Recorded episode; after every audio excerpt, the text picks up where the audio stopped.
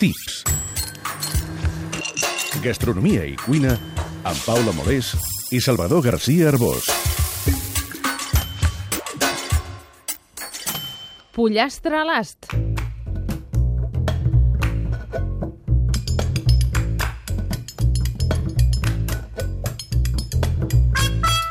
El pollastre a l'ast és un dels grans invents de la història de la cuina. Jo encara diria més. L'ast va fer avançar la humanitat. Travessar un animal amb aquesta llança i rostir-lo a poc a poc, fent-lo rodar a sobre el foc, hores i hores, fins que quedi cuit i amorós. A l'ast s'hi fan conills, porcs, xais, tota classe de viram i fins i tot vedells. No tot és pollastre, però el pollastre és el rei de l'ast. És que ho té tot, és deliciós, si està ben fet. És fast food, per qui el menja, òbviament, no pas per qui el fa, i s'associa els diumenges, els dies d'estiu, d'esbarjo, mandra, gana i pressa. I si sobra alguna cosa, és fantàstic per al reaprofitament. El pollastre encara té una altra virtut. Igual com passa quan toca servir la paella, qui vol conill, qui costella, algú que no vulgui mongeta, el socarrat per qui? El pollastre a l'ast ens obliga a la negociació.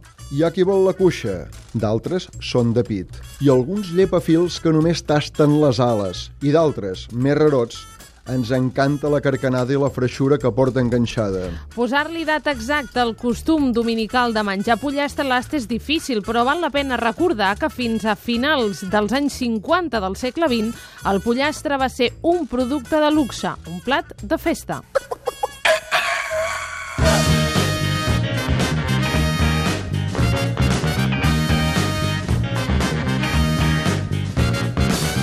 Un bon dia, algú va tenir la brillant idea d'inventar els rostidors de pollastre giratoris i algú encara més espavilat va obrir l'establiment on comprar-los. La meravella del takeaway. Del menjar per emportar, amb l'excusa del pollastre ja t'enduies el primer, calamars, bacallà o arròs, cap a casa. L'èxit estava assegurat. Fins i tot el famós restaurant Los Caracoles, a tocar de la Rambla de Barcelona, va instal·lar un rostidor de pollastre al carrer com a reclam.